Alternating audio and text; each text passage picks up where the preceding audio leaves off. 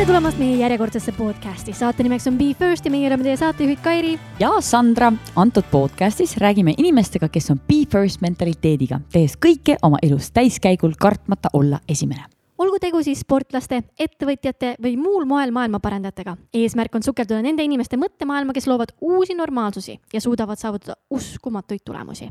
podcastis püüame aru saada, kuidas ka meie ehk siis tavainimesed saaksime nende kogemusi ja harjumusi oma elus rakendada paremate tulemuste saavutamiseks ja meie tänase saate külaliseks on naine, kelle hääl ja nägu on tuttavad kõigile eestlastele, kes end vähegi igapäevaste uudistega kursis on tahtnud hoida ja see naine, kellega me täna rääkima hakkame, pole mitte ainult tuntud telenägu, vaid tegemist on ka kirgliku sportlasega, kes ei löö risti ette ei Vaasalopeti läbimisele ega ka Antarktika avastusretkel osalemisele. selle kõige kohta kuulete te aga nüüd, sellepärast et meie tänase saate muusaks on imenaine Eva Ese tänases saates räägime me, kuidas muudab ajakirjaniku töö sind inimesena kuidas leidis neiu, kellel arst ei lubanud noorena isegi sporti teha, oma tee üldse Vaasalopetini ja kolmesaja kilomeetriste rattadistantsideni ning miks peaks iga inimene pärast söömist oma taldriku puhtaks lakkuma?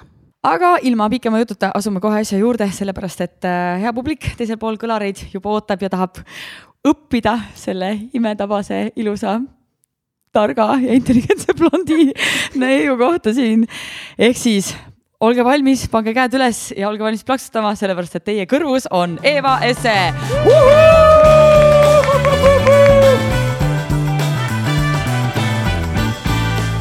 mul oli kahju, et see helipilte näitas, aga ma, ma punastan päris korralikult sellise sissejuhatuse peale. väga hea, see oligi meie eesmärk aga Eva äh,, päriselt ka suur-suur aitäh, et sa oli, olid nõus tulema meiega täna jutustama, sellepärast et ma tean ma olen teinud research'i ja on väga palju eelmiste saadete kuulajaid, kes väga-väga sind täna äh, siia saatesse on oodanud ja nagu ma aru saan, siis me võtame su podcast'i süütuse. jah. Jury popping going on right here oh,. Yeah. ja me ei alusta seda mitte mingil juhul lihtsalt, me teeme kohe sihukese mängu, mis võtab enamus külalistel natukene äh, keeruliseks selle olukorra. higimulli otsa ette. nii et äh, mäng on väga lihtne esimeste mäng, me ütleme sulle lause alguse ja sina lõpetad selle ära. mul on nii kahju, et mul praegu ei ole spordikella käe peal, siis ma saaks vaadata pulssi ka, ma, süda käib küll praegu. väga hea, väga hea, et aga ja need vastused, mida sa annad, need peaksid olema siis üsna äh, lühikesed või mast-, mahtuma nagu. jah, Eva Esse, proovi olla konkreetne vaata, kas sa saad sellega hakkama. ma olen näinud küll, et sa oled olnud üsna konkreetne, okei okay,, vähe juttu, pikem samm. esimene õnnestumine kui mind valiti lasteaias eh, lumivalgikese etenduse peaossa. nii ilus. nii, aga esimene läbikukkumine. kui ma selle rolli ära ütlesin ja minul sai lumehelbekene, sellepärast et ma kartsin väga seda stseeni, et ma pean poisiga suudlema, sellepärast et lumivalgekese ülesäratamiseks oli vaja suudlust Oota, teha. seda ma kartsin. ei, lasteaia, lasteaia millised lapsevanemad sihukest asja lubavad? ma ei tea, ma olen ikkagi üheksakümnendate alguse laps. kõike kunsti nimel, jah? et tänapäeval ei ole, on, on need suured reeglid juba peal, aga toona oli elu natukene lappem. mis seal Tartus toimub Lõuna-Eesti, no huvitavad, huvitavad kohad. kas sa täna käituksid teistmoodi? ma arvan, et küll, sellepärast et see prints äh, seal lasteaias mulle ka väga meeldis, aga ma kuidagi tundsin ennast, ma olin nii häbelik, ma olin väga-väga häbelik. ma ei, ma ei tahtnud üldse tähelepanu ma arvan, et ma tänapäeval, kui see äh, jah, võib-olla käituksin teistmoodi, aga ma ei tea, kas kas teistmoodi siis, kui ma oleksin lasteaialaps või siis, kui ma oleksin see, kus ma praegu olen. No igatahes prints kuulsid jah, et te, te, oleks hoopis teistmoodi. prints sulle ei jopanud. Esimene asi, mida hommikul teed? Lähen duši alla. Hmm ei teagi noh. Mulle meeldis Aini vastus ka väga hästi, see oli väga loogiline, Eva vastus on täpselt sama loogiline. aga sinu esimene Instagrami postitus minu esimene Instagrami postitus oli minu koerast, kes oli veinipokaali ümber ajanud. kas tal oli ikka sihuke süüdimatu nägu, et mina ei teinud seda? absoluutselt no, nagu iga kord, kui ta mingi jamaga hakkama saab. see on nagu inimestelgi põhimõtteliselt no ma ei tea, koertel tuleb see kuidagi väga hästi välja ma ei saa, ma ei, ei oska kommenteerida. sina sa ju babysit'id nii palju kutsusid, et sul peaks küll. nagu olema Nad käituvad väga hästi minu juures ma ei näe su käte peal küll seda, aga ma küsin su käest ära, et esimene tätoveering mm,? seda ei ole veel jah. ei ole veel, aga kui sa peaksid tegema, siis mis oleks? mul oli eelmine aasta selline väga kindel soov omale tätoveering teha ja käe peale ja seal oli üks äh, sõnum. äh, mis koosnes kolmest sõnast. ma jätan selle praegu veel enda teada, aga kui ma selle ära teen, et, et eks, eks seda ole siis näha. aga mul praegu on isegi hea meel, et ma seda ei teinud, sellepärast et, et ähm, ma juba kahtlen selles, kas see oli ikka hea mõte ja, ja esialgne plaan oli seda teha siia sõrmede siseküljele. ma olin selles ikka väga veendunud, et ma lähen nüüd homne päev ja teen selle ära. aga siis mind suudeti ümber veenda, et see on kõige halvem koht, kuhu üldse teha ei tätoveering. püsi väga, ja jah. kuna, kuna ma olen nüüd näinud ka paari mu tuttava puhul, kes on sinna teinud, siis see ei ole tõesti kõige parem variant olnud, et see kulub üsna ruttu maha. Ja see näeb natukene nagu sihuke rabe välja ka, sest siia ei Jah. jää nagu ilusasti see jah, jah, jah. no eks sa siis anna meile teada, kui sa ära teed, siis me me saame oma kutsume su- podcast'is kohe kajastada seda. kutsume su kohe siia. aga äh, sinu esimene auto, ei olegi seda veel. aga kui see oleks, no äh, kui see oleks äh, äh, no mul on isaga diil äh,, et äh, aga ma ei tea, millised need diili tingimused on, et kui ma nüüd lõpuks ometi, no ma olen nüüd teist raksu jälle autokoolis. asi pole selles, et ma oleksin nii saamatu autoroolis, vastupidi, ma saan sõit- sõitmisega väga hästi hakkama, kui mul iga kord nagu elu vahele tulnud, et et kui nüüd on see eksamite tegemise aeg ja siis lõpuks ma olen jälle lasknud selle asja niimoodi venima. et kui ma nüüd lõpuks selle ära teen, siis isa lubas mulle oma auto anda ja endale Ohoo. siis äh, osta elektrilise tõukeratta. kui äge. See on väga hea Neid diil. on nii palju linna peal. aga kuna ta, kuna need, need diilitingimused olid sellised, et, et ma pean tegema load ära oma selle aasta sünnipäevaks, millest on nüüd äh, rohkem kui kaks kuud praegu möödas, siis ei ole nagu neid lepingutingimusi üle vaadanud temaga. Eeva isa, kui sa seda kuulad, siis tea, et sinu enda tervise jaoks oleks väga mõistlik seda lepingut natuke pikendada. et Eeva saaks hakata sõitma sinu autoga ja sina saaksid hakata tõuksiga ringi aga panema. kusjuures minu peamine motivaator, miks ma seda autot oma nüüd tahaksin või noh, lube, on selle jaoks, et äh, talvel võtta suusad ja sõita Kalamajast äh, Nõmmele. sellepärast, et hakata käima rongiga, mida ma olen teinud praktiliselt iga kord, on ikka nii suur ettevõtmine, et, et võiks ju võtta natukene ludemalt seda sa pead lihtsalt kokku leppima Sandraga, et Sandra, võta mind peale, lähme suusatama. väga lihtne. jah, nüüd ta läheb üsna lähedal jaa, me võime täitsa nii teha. nii, aga esimene koer. minu esimene koer oh,, oot-oot, jaa, minu esimene koer oli tont ja tont oli mis Mm. tõugu? tont oli täitsa segavereline. mul on tegelikult olnud kõik äh, koerad äh, segaverelised aga suured, väiksed? äh,. on olnud suured ja on olnud väiksed. Tont oli väike, tont, Tondu oli ta nimi. teine oli Fredi, tema tuli ise meie juurde, ta lihtsalt reaalselt tuli meie kodu äh, aia taha ja ei läinud sealt minema. selline must äh, Iiri Setteri ja Labradori segu äh, koer, kes elas väga kõrge eani, eelmisel aastal suri ära. elas vist neljateist-viieteist aastaseni Wow. ja nüüd on mul väike Moona, kes äh, asjaolude kokkulangemise tulemusel või siis äh, paratamatuse tulemusel on nüüd viimased äh, aasta aega mu vanemate juures Tartus elanud, kes on selle üle muidugi väga õnnelikud, et, et ta seal on. et Popuninu nänjutatakse, onju? absoluutselt, et kui ta vahepeal minu juures käib, siis on ikka päris raske seda korda majja lüüa. et ei antagi pasteeti kogu aeg. mulle meeldivad need ühe lause pikkused vastused. aa, nii, nii, nii, okei aga Eva, sinu esimesed kümme kilomeetrit olid? Kaks tuhat kolmteist Tallinna kümme kilomeetri jooks, mis siin on need. Tallinna maratoni raames? jah, ja emotsioon? raske oli, väga raske oli. aga trenni tegid enne või? natukene ikka, aga pigem aga- ikka nii nagu harrastajad, et noh et nädal aega enne. praktiliselt küll. jah mul, mul on kohe mingi miljon küsimust siia järele küsida, aga ma teen seda pärast. meil on viimane. meil on viimane, esimene kord, kui tundsid enda üle mega suurt uhkust. see on hästi raske küsimus. See on täiesti oleneb, et nagu mis valdkonnast ähm,, aga üks asi, asi, mis mulle meenub, on, on see, kui ma sain ülikooli sisseastumisel eriala täiesti maksimumi ehk siis äh, sada äh,. kui ma läbisin seda siis ka mitmes voorus ja, ja siis mul oli väga-väga hea meel endale, sellepärast et ma eesti keele kirjandi sain üheksakümmend üheksa punkti ja siis ma olin väga-väga nukker, ma ei saanud aru, kuhu see üks punkt läks kaduma. kusjuures ma just tahtsin küsida su käest sedasama nalja, sest et ma olen kunagi lugenud su äh, sedasama artiklit, kus sa sellest rääkisid, kui Priit Pullerit sind äh, küsitles. ja see oli minu arust nii armsalt öeldud, et jaa, et ma sain üheksakümmend üheksa punkti ja ma ei saa siiamaani aru, kuhu see üks punkt kadus. nii et äh, kui keegi seda kuulab, kes äh, Eeva, Eeva tööd. hindas, siis palun andke Eevale teada, kuhu see üks punkt kui ikkagi keegi on selle kadus. ühe punkti üles leidnud, tagastage omanikule. nii, aga sukeldume kohe tööteemadele ka, et sa oled hariduselt äh, ajakirjanik. kas sa oled alati teadnud, et sa tahad olla ajakirjanik? Ei ole, see erialavalik tuli võrdlemisi viimasel hetkel, kui ma keskkoolis käisin, ma arvan, et äkki üksteist klass lõpp või isegi kaheteistkümnenda klassi jooksul ja selle mõtte istutas mu pähe mu ema, kes kes nägi, et ega ma ise ka täpselt ei teadnud, mida ma siis õppima tahan minna. kuna toona olid meil sellised süsteemid siin hariduses, et olid tasuta kohad ja tasulised kohad. mul oli päris kindel see, et ma saaksin ülikooli sisse tasulisele, vabandust, tasuta kohale saksa keelde, saksa filoloogiasse.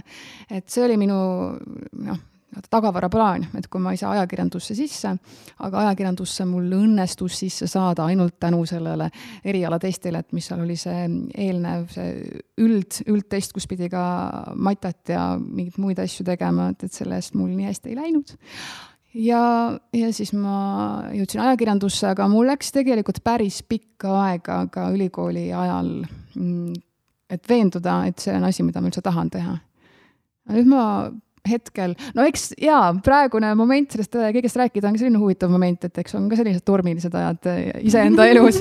et eks, eks need igasugused mõtted mõeldud, et mis nüüd minust edasi saab või, või et äkki peaks hoopis midagi muud tegema. aga ma arvan, et praegu veel on, on, on see, see äh, valdkond, mida edasi künda. aga mis tol ajal need mõtted olid, et miks mitte ajakirjanik olla? ma olen tegelikult, see võib-olla ei paista välja, aga ma olen hästi ebakindel inimene hästi ebakindel inimene. seda peaks praegu ja filmima. ütleme siinkohal ma arvan, et see Lume Helbekese näidend ikkagi oleks võib-olla veel midagi juurde sulle andnud, aga. ebakindel oma otsustes ja ma olen hästi suur kahtleja, et et ehm, noh, see kõik lööb välja väga tavapärastes äh, oludes, et, et, et kui ma olen näiteks, ma ei tea, kodus ja mul on vaja minna poodi, mul läheb näiteks kaaslane juba poodi ära ja siis ma, kui ta juba astub koduuksest välja, siis ma mõtlen, kas ma peaksin ka nüüd minema kaasa või mitte. ja siis ma hakkan iseenda sees nagu taguma seda trummi, et mida nüüd teha, mida nüüd teha, mida nüüd teha. sellised täiesti igapäevased äh, asjad. aga ka suured elulised muutused, ma ei tea, kas see, mida ma teen, on tegelikult õige või see, millist teed valida või kuhu minna. ma saan sellele tavaliselt kinnituse siis, kui midagi läheb hästi. kui midagi hakkab justkui minema, aga enne seda ma ujun üsnagi tundmatus vees. aga kas et... kõigil meil ei ole tegelikult? ma just tahtsin öelda, et Eva Esse, palju õnne, sa oled normaalne inimene aitäh teile selle eest aga äh, si-, ütleme nii, et sa tegid oma, astusid kooli sisse, mitu aastat sul seal läks, tuleta mulle meelde noh, nominaaliga õnneks lõpetasin ehk siis kolm aastat. eeskujulik. Äh, ja magistrantuuri ma sealt kohe edasi läinud, sellepärast et siis algas kohe tööpõllu kõndmine, kündmine ja ka sellega oli tegelikult noh, nagu ma ütlesin, et hästi ebakindel, nagu ma olen oma otsustes ja väljavaadetes. et läbivalt äh, ülikooli ajast ma käisin praktikatel peamiselt Rahvusringhäälingu ja Tartu stuudios.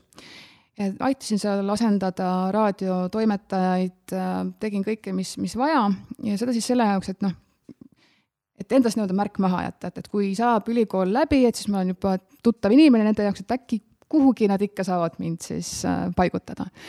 aga toona ja ma usun, et ka veel praegu on see üsnagi selline mm, raske koht, kuhu siseneda, et äh, mul oli juba teise kursuse lõpuks äh, selline arusaam ja ka teise kursuse äh, suve lõpuks, kui ma olin oma praktika Tartus ära teinud, selline arusaam, et noh, täiesti pekkis, noh, et mul ei ole, mul ei ole kohta, kuhu sealt edasi minna, noh, see seal lihtsalt ei ole kohta, neid kohti ei looda juurde ja selle jaoks, et ma mingi koha saaksin, peab ju keegi lahkuma, aga miks peaks keegi tahtma lahkuda sealt.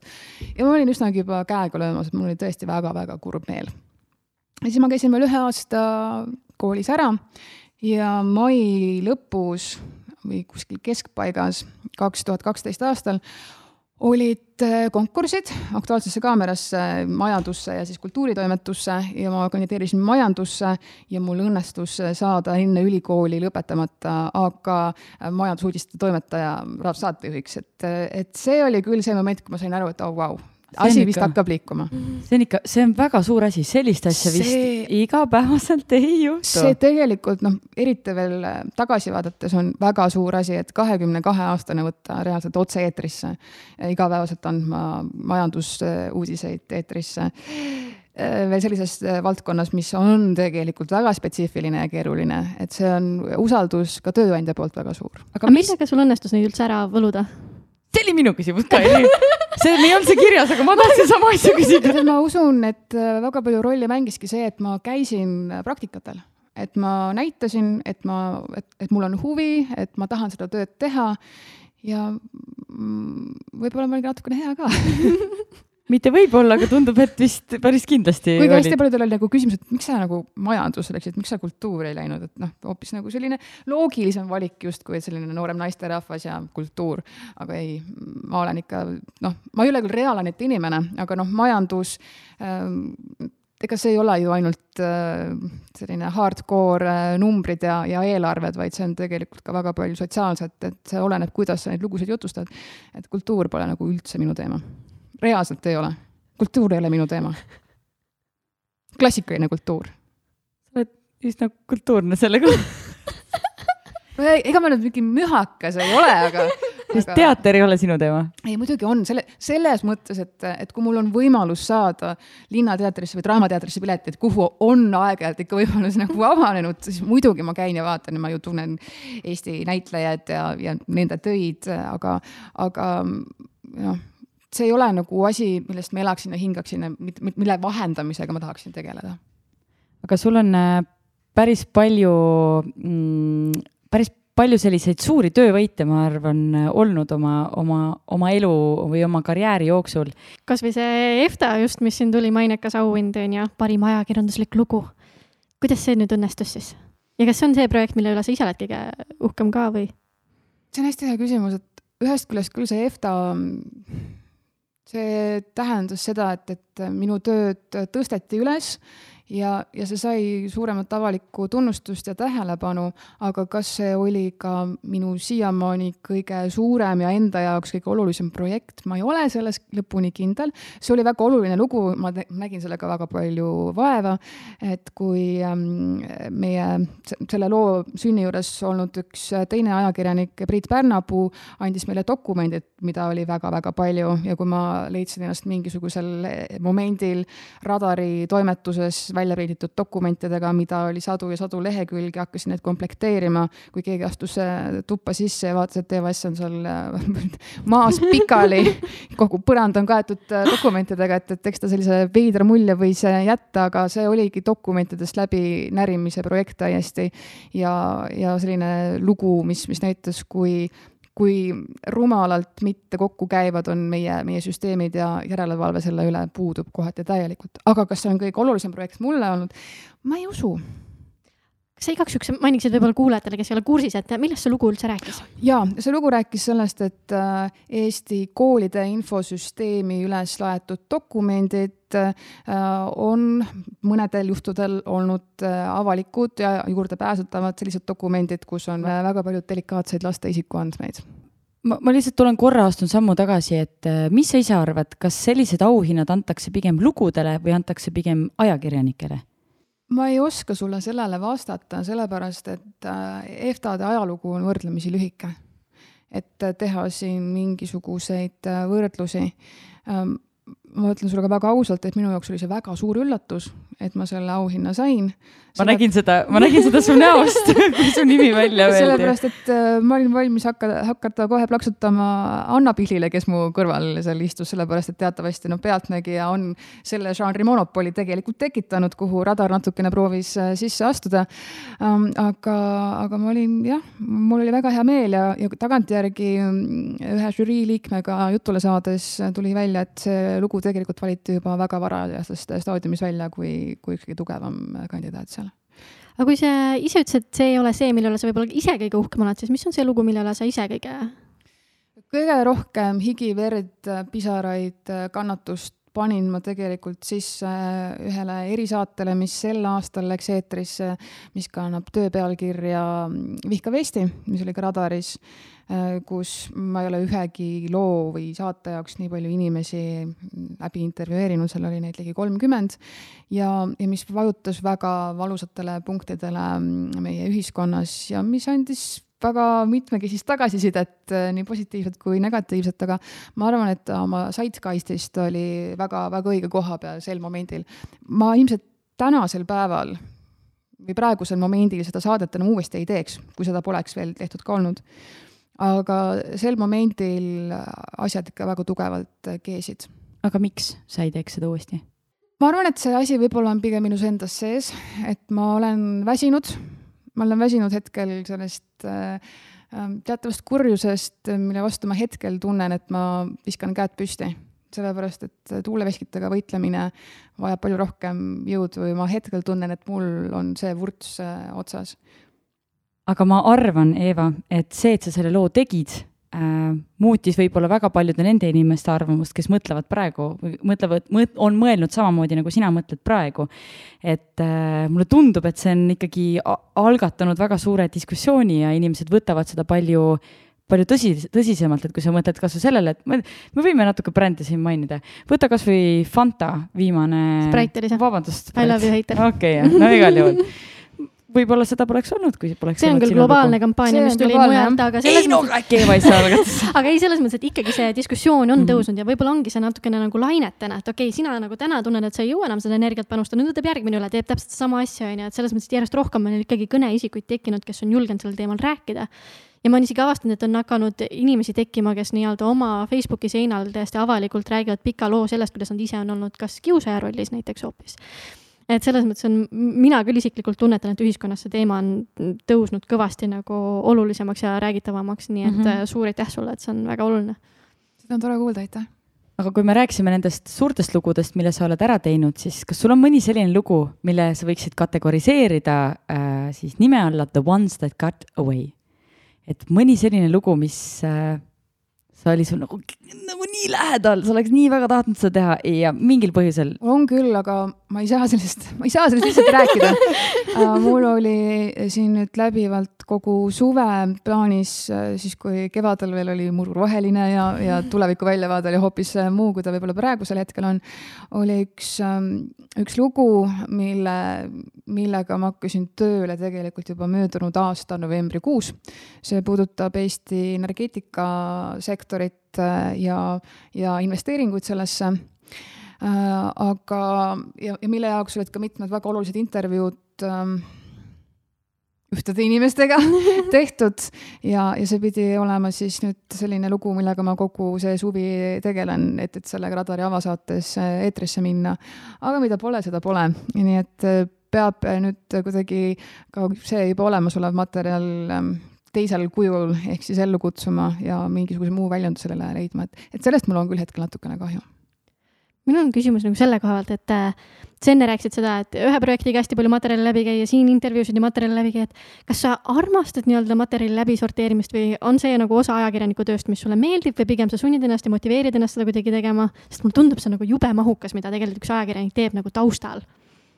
Mulle pigem meeldib see, mida mulle ei meeldi teha, on äh, kui ma lihtsalt enda tööspetsiifikast äh, või senisest tööspetsiifikast räägin, on see, et noh, eeltöö on üks asi, ma pean olema piisavalt äh, informeeritud, et, et minna kellegagi vastamisi, aga kui see vastamisi olek on juba ära olnud, see intervjuu on ära tehtud, et hakata seda kõike siis uuesti läbi kuulama vot seda me enam teha väga ei, noh, ei saa öelda, et ei viitsi, aga see pole see kõige lemmikum osa sellest tööst. ja siis äh, kogu selle suure mahu, mis on siis juba üles võetud, et, et selle loogilise järjekorda asetamine ja sellest loo jutustamine. et, et see võib pahatihti olla see kõige, kõige ajanõudvam aspekt selle töö juures. see on nii loomulinguline ka selles mõttes, et sa peadki leidma selle nagu. sest et ühte lugu võib ikka sada viitekümmet tuhandet erinevat viisi jutustada ja kõige õigem on, on see, mis mis ma loodan, et ma enamike puhkudel olen seda ju suutnud ka saavutada, jah aga kui me räägime korra sinu loost, selles mõttes, et sa oled juba siin paar korda maininud ka, et sul on viimasel ajal väga palju kannapöördeid toimunud nagu karjäärialaselt, et äh, kuidas sa oled kohanenud nende muudatustega ja kas need on kuidas sa nendega toime tuled? nagu ma olen juba siin öelnud, siis äh, ma olen võrdlemisi ebakindel tegelikult, mis tähendab, et ähm, mm, see ebakindlus ei tähenda enesekindluse puudust või puudumist, vaid see ebakindlus tähendab kahtlemist, sellist kohutavat kahtlemist äh, iga asja juures, kas see, mida ma teen, on õige, kas see, mida ma teen, ma teen hästi. kuna ma teen ka tööd mis äh, nii uskumatu, kui see ka ei ole, ei saa erilist tagasisidet. Äh, tegelikult sa, noh, sa võidki esineda sajale tuhandele inimesele läbi teleka ekraani, aga, aga et sa saaksid mingisugust konkreetset tagasisidet, mida sa teed hästi ja, ja halvasti, mis oleks ka konstruktiivne, sellist asja ei ole olemas paraku kas tõesti? nagu ülemust ei ole, kes nagu ütleks atsa-tsa-tsa või väga hästi. kui, kui midagi väga konkreetselt peesse keerata siis on see, et kus antakse seda tagasisidet et, äh, et siis on kogu aeg selline väga tasakaalutu olek, et, et, et kuhu seda sihti seada um,. aga mis siis puudutabki seda, seda kahtlemist, äh, siis need kaks kannapööret ehk siis Rahvusringhäälingust Kanal kahte minek eelmisel aastal ja, ja nüüd see aasta selle saate lõpetamine, mille pärast ma läksin äh, Kanal kahte üle. et see esimene otsus juba tuli minu jaoks väga-väga suure otsusena, sellepärast et minu jaoks oli Rahvusringhäälingus töötamine ainuvõimalik Äh, viis, kuidas ajakirjanikuna ennast äh, väljendada või oma, oma tööd teha. aga tol momendil äh, võimalused, kuidas ma saaksin areneda, natukene kasvasid kinni minu jaoks võimaluste pakkumisega, mis, mida ei tulnud Rahvusringhäälingust. ehk et see, et radarisse mind toona kutsuti, oli, ma küll mõtlesin pikalt, aga ma arvasin, et see on õige valik et ma saan seal teha asju, mida ma tegelikult tahaksin teha ja mida ma saingi aasta aega teha ja mulle tõeliselt meeldis see töö ja ma ei tundnud kordagi kahetsust, et ma meediavaja vahetasin. aga siis juhtub vahepeal elu ja, ja no ma ei tea, ärilised otsused võib selle kohta ilmselt öelda.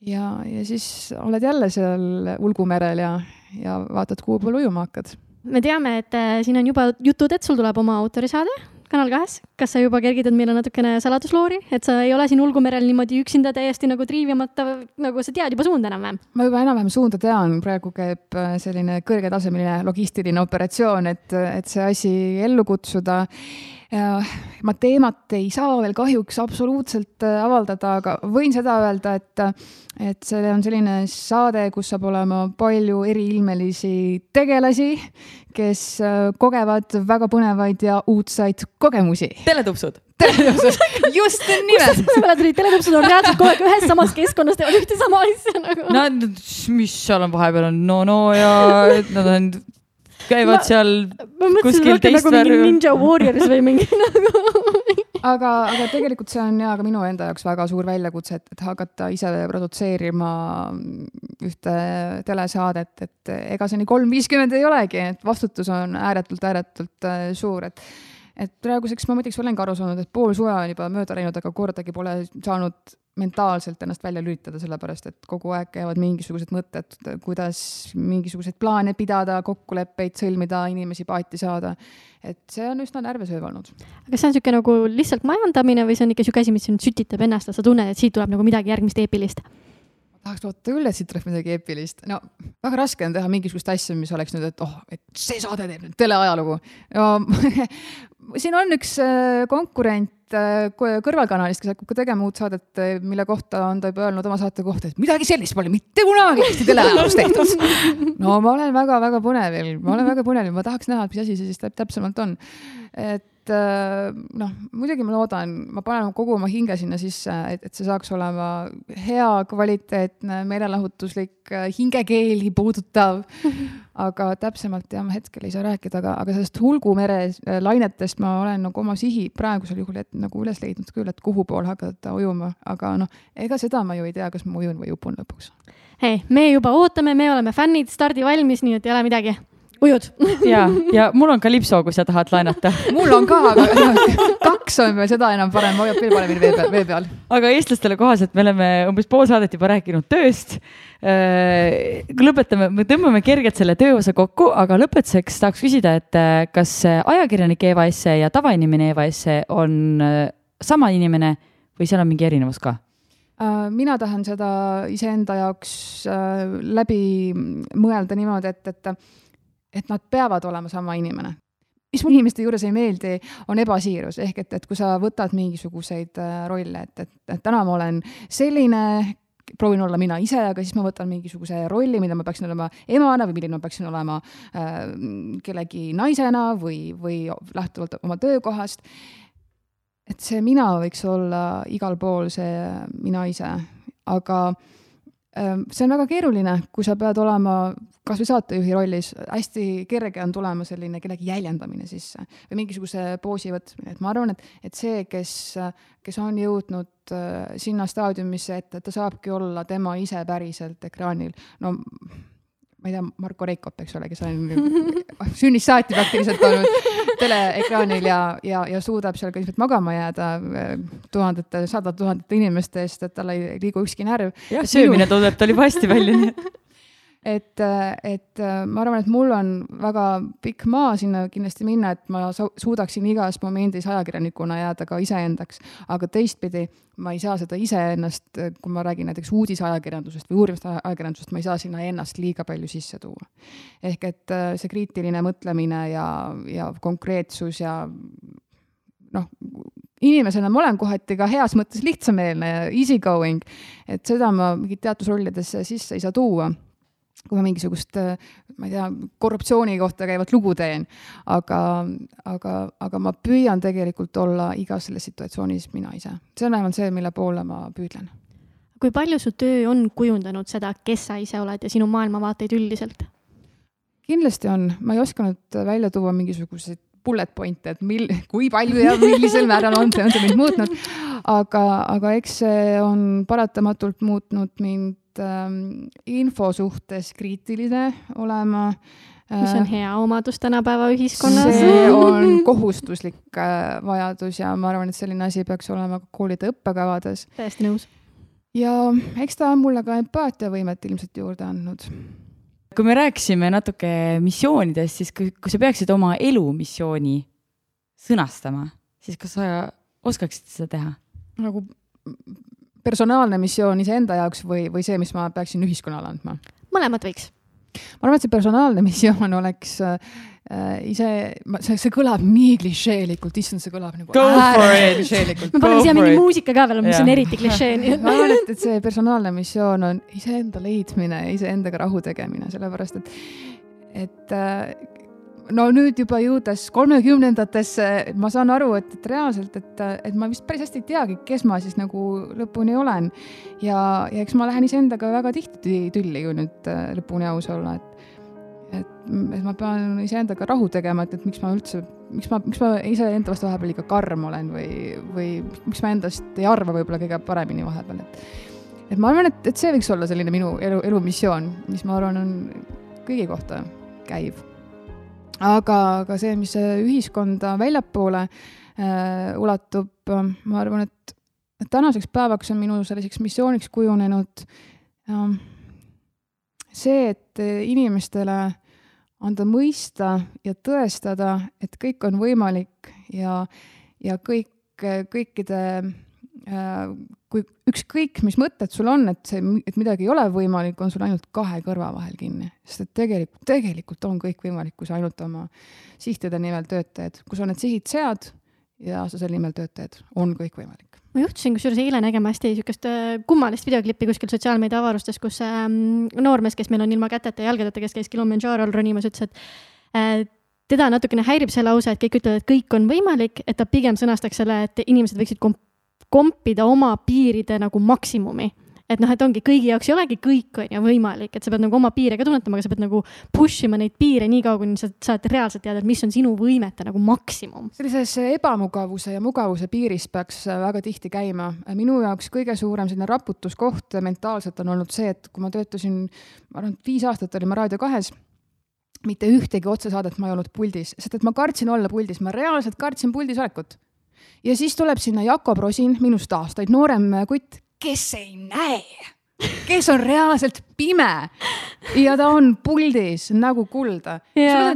mis kurat sul viga on? mis sul reaalselt viga on? ei ole vabandusi, onju. et võta selgeks, võta, võta kätte ja õpi selgeks mm. -hmm. et, et siis ma saan aru, et ma olen lihtsalt väga tihti mingisuguses mugavustsoonis, et neid piire peab kompama lihtsalt. aga millist muutust sa tahaksid täna maailmas enim näha? Ma tahaksin, et inimesed üles ärkaksid ja aru saaksid, mis meil tegelikult keskkonnaga toimub. minu jaoks me oleme nagu sellises äh, ulmefilmis, et me, et me päris hästi ei saa ka aru, mis nagu päriselt, päriselt, päriselt toimub et, et see vajab sellist väga tugevat äh, raputust. me, me nagu näeme mingisuguseid märke seal ja teises kohas äh, suured metsatulekahjud, kas või eelmisel aastal, mille eest inimesed jooksid äh, merre, sellepärast et mitte ära põleda Antarktikas, mis siin just hiljuti oli uudis, et miinus kaheksakümmend kraadi iga päev äh, tuleb aina rohkem Antarktikast äh,, sulab, sulab neid suuri jäätükke ära palju suurema kiirusega kui kolmkümmend aastat tagasi.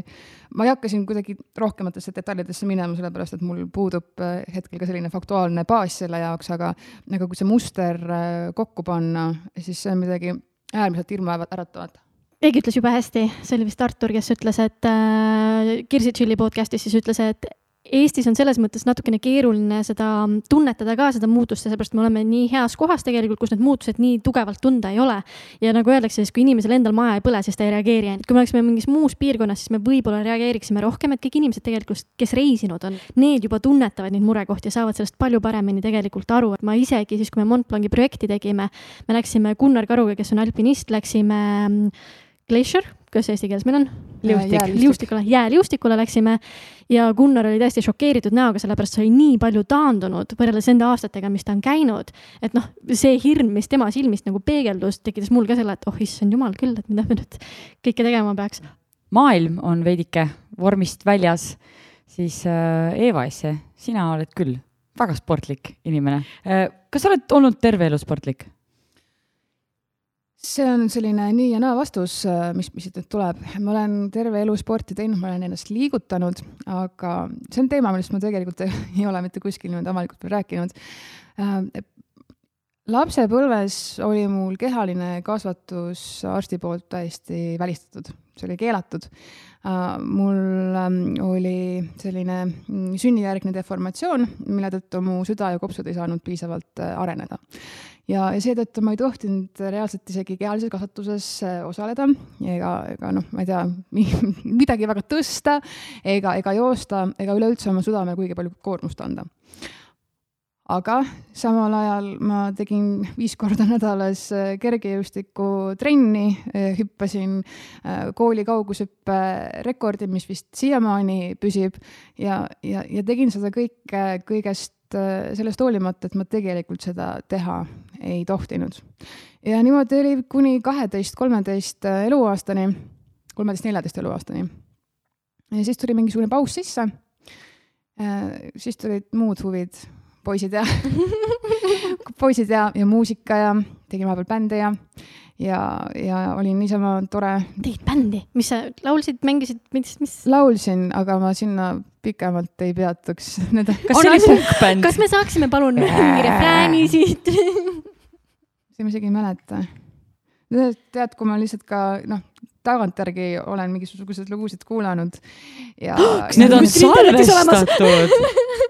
Kas ma vist kaevan seda auku aina sügavamaks nii, kuhu me, mida me Google'isse sisse kirjutame? ei, ma, ma praegu siit, las need otsad jäävad lahti Äh, aga, aga siis, ähm, kui tuli kah selline ülikooli aeg, sealt edasi tööle mineku aeg, et siis olid jah, selline, või noh, olin selline harrastussportlane, et äh, rühmatreeningud jõusaalis äh,, niisama pea laiali otsas jooksmas käimised.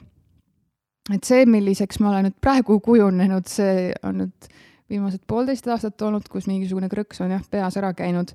Ja ema on mulle öelnud selle kohta, et, et see vist on mingisuguse lapsepõlves tegemata eh, jäänud asja tagasitegemine, et kuna reaalselt mul ei olnud lubatud neid asju teha ja, ja päris nagu, kui rääkida füsioloogiast, siis pikamaa sport või kestvussport on mulle olnud eluaeg vastunäidustatud et kui nüüd äh, läbida need distantsid, mis ma olen läbinud, siis ma arvan, et see natukene on küll selline looduse ime.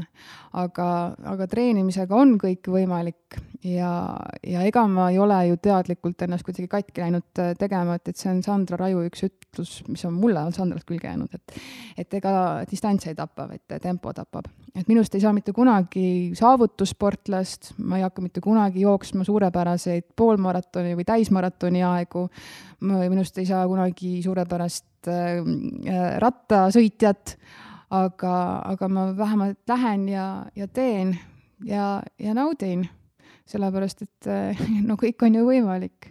Aga mis on suurepärase indikatsioon, kas see ei peaks olema mitte see, et sa võistled iseendaga, Need kõik võistlused on olnud totaalsed võistlused iseendaga, kui ma Vaasa Lopeti lõpetasin, ma viimased kümme kilomeetrit rääkisin iseendaga ja ma arvan, et kuna, kuna ma olin ikka üsnagi deliiriumis mingisugune vahe seal, siis see võis olla ka mitte selline sisekaemus ja nagu omaette rääkimine nagu sissepoole, vaid ma võib-olla mingi hetk rääkisingi täitsa nagu kõva häälega ja kui ma selle lõpetasin, siis ma reaalselt hakkasin nutma, ma nii siiralt hakkasin nutma, ma rääkisin iseendaga ja ma tegin endale väga mitu paid sõna otseses mõttes.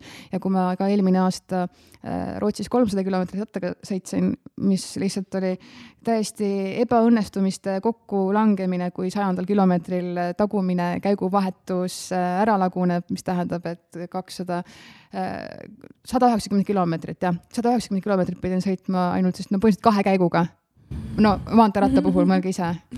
Äh, õnneks tagumine käiguvahetus jäi keskmise peale, äh, mis on siis nagu kõige halvem variant, mis tähendas, et ma esimesega vahetasin lihtsalt nagu oh, kergema ja raskema peale, aga no ma jäin kõikidest gruppidest maha ja no oli ka piip, raske, ikka väga-väga raske.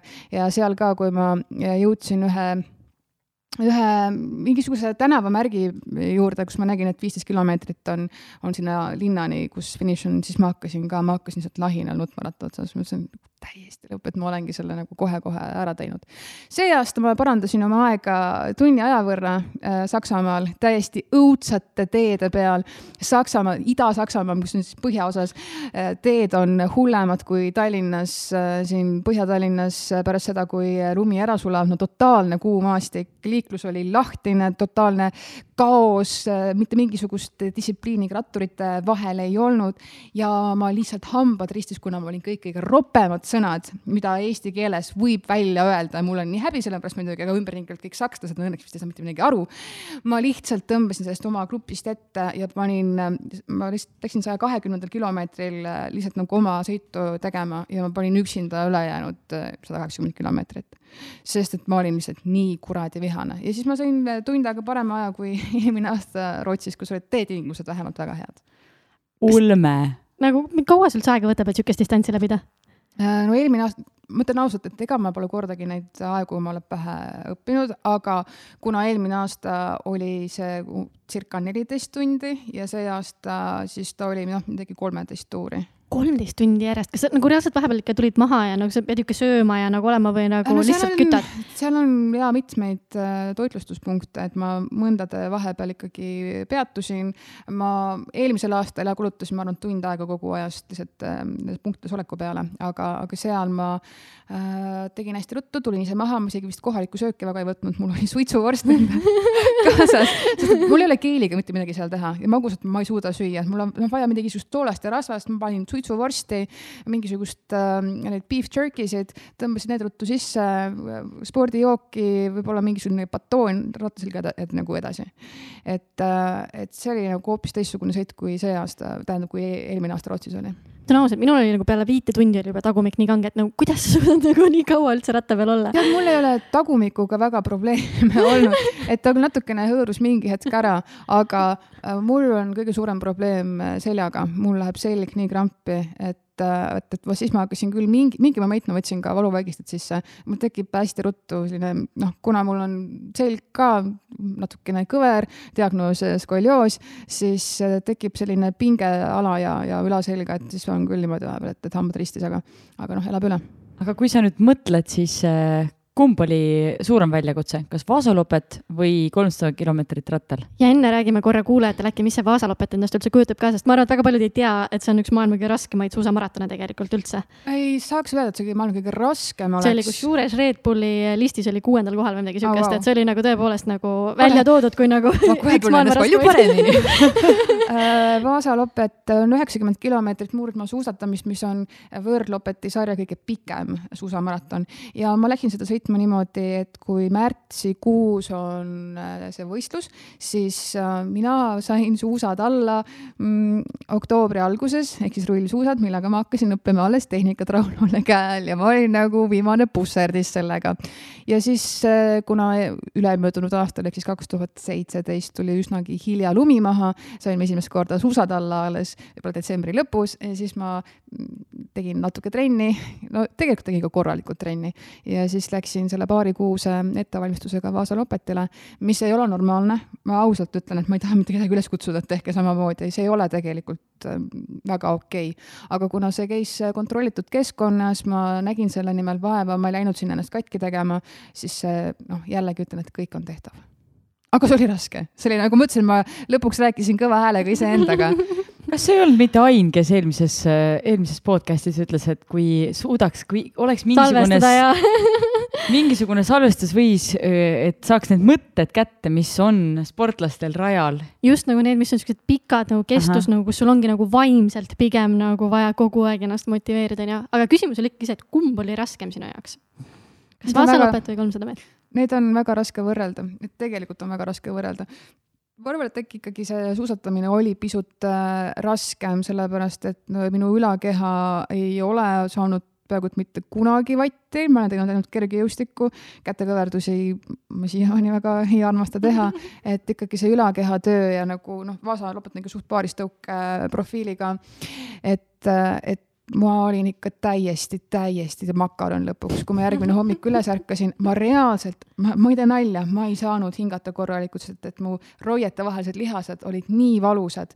ja siis ma võtsin kaheksasada milligrammi ibumetiini ja ma oleksin nagu veits pauku saanud pärast seda, mul hakkas kohe nagu väga-väga-väga hea, seda vist ei tohiks niimoodi rääkida. siinkohal ütleks jah, et eh, kui on ikkagi ebamugavus ja valu, siis ei tasu ikka edasi ja. teha, et siis pigem võtta rahulikult. see oli siis eh, jär, järgmise päeva ebameeldivus, aga noh, see kõik tulenes lihtsalt sellest, et keha ei olnud selleks eh, päriselt lõpuni valmis olnud. aga mida need hullud väljakutsed sulle õpetanud on uh,? ma ise alguses võtsin neid väljakutseid niimoodi, et et kui ma suudan sellega hakkama saada, siis ma saan oma igapäevaste probleemidega palju paremini hakkama, sellepärast et kui sa juba selle ära tegid, et siis no mida sa praegu vingud. hashtag relatable aga ma ütlen ausalt, et, et see väga ei, see väga ei, ei tööta. ja kui need ikka igapäevased probleemid on, siis läheb ikka väga mitu päeva aega, enne kui tuleb meelde, et aa, kuule, sa oled ju selle ära teinud, et mis, mis sa nüüd vingud et, ähm, et ma proovin seda iseendale meelde tuletada, et milliseid ähm, valusid ma olen äh, tundnud, pisaraid, kõike, mis on, puudutab seda füüsilist poolt, et saa selle vaimse poolega ka siis hakkama äh,. valu poolt ma just mõtlen isegi võib-olla rohkem siin seda, et et kui ma rääkisin alguses sinu sellistest äh, tervislikest näitajatest, äh, siis äh, mul oli üks väga-väga raske operatsioon, kui ma teismeline olin ja siis ma olin noh, siis mul olid reaalselt nagu no, no nii valus, et ma olin nädal aega intensiivis ja olin epiduraaliga pikali. Et vot see oli valus ja, ja kui ma nagu olen, noh, sellest on noh, enam kui viisteist aastat juba möödas, et, et kui ma nagu olen praegu mingisugustes situatsioonides, kus on, mis, mis ei anna võrrelda ka mitte mis ei anna võrrelda ka mitte selle, selle valuga või siis sellega, et sa oled, kui ma olen Vaasa lopeti läbi teinud, siis ma mõtlengi, et nagu seda vaimujõudu võiks natukene rohkem olla, et nagu tuletada rohkem meelde neid asju, sest ma kardan, et see mul väga tihti ei tule välja, et ma, et ma suudaks seda ühendust enda jaoks ära, ära teha. kas sul on juba paika pandud ka järgmine väljakutse, mida sa plaanid võtta? jaa, see aasta me teeme Saksamaal, äh, no mis ma enne rääkisin ka, seda mm, rattasõitu on juba tehtud, on samasugune neliküritus, nagu me tegime Rootsis, mis on siis suusatamine, ratas äh,, ujumine ja, ja jooks, neli erinevat äh, võistlust, neli erinevat äh, distantsi. Äh,, Äh, suusk ja ratas on tehtud, nüüd tuleb ujumine augustikuus kolm koma kolm kilomeetrit järves ja siis see asi lõpeb Frankfurdi maratoniga. Ja siis, kui ma selle ära teen, siis ma olen esimene Eesti naine, kes on selle ära teinud. Wow.. aga okei okay,, okei okay,, okei. Okay.. ma, ma juba vaikselt niimoodi plaksutan ette. alles siis mingi teist või kolmandat aastat. ei loe, ei loe.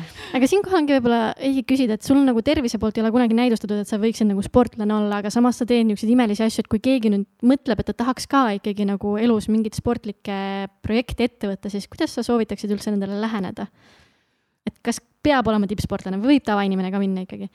Ehm, no mina olen ikka väga-väga-väga tavainimene, ma nimetan iseennast mahlamütsikeseks et ehm, noh, ma ei ole mitte mingisuguste saavutustega, kui ainult see, et midagi on läbitud, silma hakanud, et ma muidugi mäletan seda ma kunagi tõesti lugesin kommentaare ja kui see Vaasa Lopeti kohta tuli uudis välja ja ma tegin mingisugusel väga rumalal põhjusel selle äh, kommentaariumi lahti ja kuidas seal siis ma kujutan ette, et keskealised ülekaalulised mehed, kes diivani peal vaatavad äh, telksi ja joovad õlle, kirjutavad, mis asja, kaksteist tundi või? sõitis kaksteist tundi seal, aga kõnni ka kiiremini. siis mul oli nagu, oh my god, nagu päriselt ka, mine kõnni see kaksteist tundi läbi, aga pane siis suusad kalla ja siis nagu reaalselt sõida see läbi. mida sa seletad? ma tahan öelda seda, et kõik on võimalik ka sellel ülekaalulisel meesterahval, keskealisel, kes seal teleka ees äh, õlut joob ja kommenteerib, kaksteist tundi ma kõnnin ka kiiremini läbi. no äkki kõnnidki aga siis alusta sellega, et tõuse kõigepealt sealt diivani pealt püsti, mine välja, hakka ennast liigutama. sest ega mina, ma tegelikult noh, ma võiks öelda, et ma alustasin ka ju nullist. mul mm -hmm. on küll mingisugune sportlik baas all, aga, aga kui sa ei tee midagi järjepidevalt, siis noh, see on, see on suht null.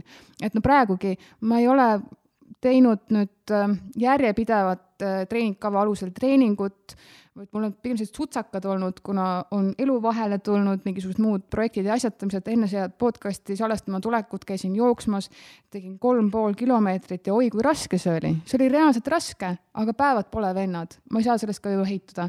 et, äh, et see ei tähenda, et ma mingisugune tippsportlane oleks. kui sa tahad alustada, siis alusta ja tee seda kõike järjepidevalt. Väga õige asi, mille pealt hakata kokku tõmbama meie podcast'i. meil on äh, viimane segment veel nii-öelda, mis on siis soovituste osa. ja, ja me tahaksime, et sa annaksid meie kuulajatele paar, äh, kolm soovitust või võib ka olla rohkem. et see esimene teema, mida sa võiksid soovitada, on see, et äh, kas on sul mõni podcast või raamat, mis sulle endale väga meeldib um.? Ja ma... ajakirjanikuna Eva on ette valmistunud, paber tuli välja ma olen tegelikult mingisuguste nimede koha pealt täielik äh, kalamäluga, siis kui ma raadios töötasin, mul ei jäänud kunagi artistide nimed ja laulude nimed meelde, sellepärast ma kirjutasin üles äh, raamatut, mida ma kindlasti soovitaksin äh, autorilt Dale Carnage. see on nagu kohustuslik kirjatus kõikidele inimestele soost ja vanusest hoolimata. esimene raamat tema sulest, vist enne seda, ma ei tea, ma ei tea, mis need ajalises järjestuses olid, igal juhul, ärge muretsege, hakake elama ja teine raamat Kuidas võita sõpru ja mõjutada inimesi. et need on raamatud, mida ma olen noh, ikka korduvalt juba läbi lugenud ja, ja mingisugused äh, baaspidepunktid äh, psühholoogilised teekonnal iseendasse ja iseendast väljapoole on sealt kindlasti kaasa saadud. väga hea, teine soovitus Instagrami konto või inimene, keda sa soovitaksid äh, jälgida jällegi, see oleneb hästi palju inimese enda huvidest. aga kuna mina otsin sellist äh, motivatsiooni mingisuguste raskete olukordadega toimetulekuks, natukene sellist äh, sportlikku vaibi, siis on selline äh, naisterahvas nagu Sierra Nielsen, kui ma ta nime õigesti mäletan, elab Ameerika Ühendriikides ja jagab ka oma lugu erinevate äh, Äh, raskete asjadega toimetuleku teekonnal ja, ja ka oma tervislikke eluviise ja, ja, ja muud toredat kas on äkki mõni näide, et millest ta täpsemalt nagu? ta kirjutab või jagab oma mõtteid seal, tal vist eh, üle-eelmisel aastal suri emavähki, et kuidas ta sealt oma perekonnaga välja tuli ja kuidas on oluline igat hetke väärtustada ja koos oldud aega, äh, kuidas ta oma äh, superstaarist boyfriendiga lahku läks, sellepärast et boyfriend käitus temaga väga-väga koledalt ja siis ta võttis ennast kokku ja otsustas selle tüübi lihtsalt põrgusse saata, mis vajab väga tugevat selgroogu.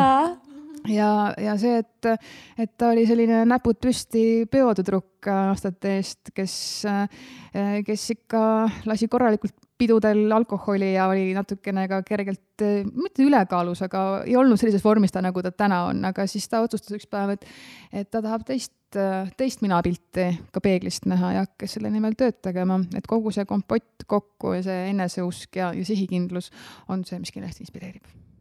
ja võib-olla viimase asjana, kas sul on mõni imelik või selline positiivne harjumus, mida sa tahaksid teistele võib-olla edasi soovitada või midagi, mida sa teed mida meie kõik võiks teha?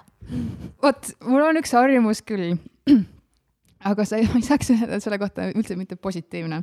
ja ma ei saa soovitada, et, et tehke seda kõik nüüd äh, kindlasti järgi. nii, väga huvitavaks läks jah. kindlasti mitte avalikus kohas okei. kui te just ei ole kuskil Aasias um, ma oleks pidanud seda kolm nädalat tagasi. ma olen väga segaduses praegu kui te okay. olete Jaapanis, siis on see täiesti okei okay. ah,. Okay. Uh, aga, aga ma nagu olen selle iseenda jaoks ära sidunud äh, mõttega, et, et kõike tuleb nagu lõpuni nautida äh, see ongi selline väga tobe harjumus, mida ma teen, kui ma olen kodus.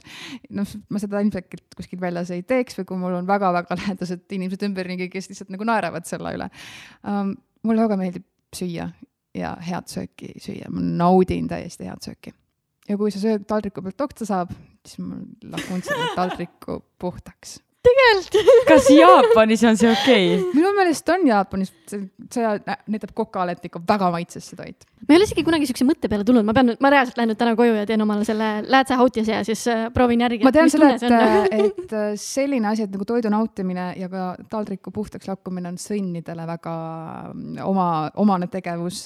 kui Evelin Ilves, kes peab oma kodurestorani, rääkis, kui tal olid tähtkujude järgi söömisõhtud ja olid sõnnid tal külas, siis nagu reaalselt enamik neist vaikselt sõid ja pärast lihtsalt lakkusid taldrikul palun ärge saage kuidagi valesti aru, et ma oleksin nagu mingi halbade toidukommetega või ma ei tea, kuskilt mingit uudispealkirja, vaid, vaid lihtsalt nagu. jah, Kroonika ärge tsiteeriks seda. kõike tuleb lihtsalt nagu lõpuni nautida, et, et kui on tõesti nagu nii imeline toit, siis nagu miks sa pead seda viimast parimat mahla sinna alles jätma see on väga ilus noot minu arust, mille, mille pealt lõpetada. nautige elu.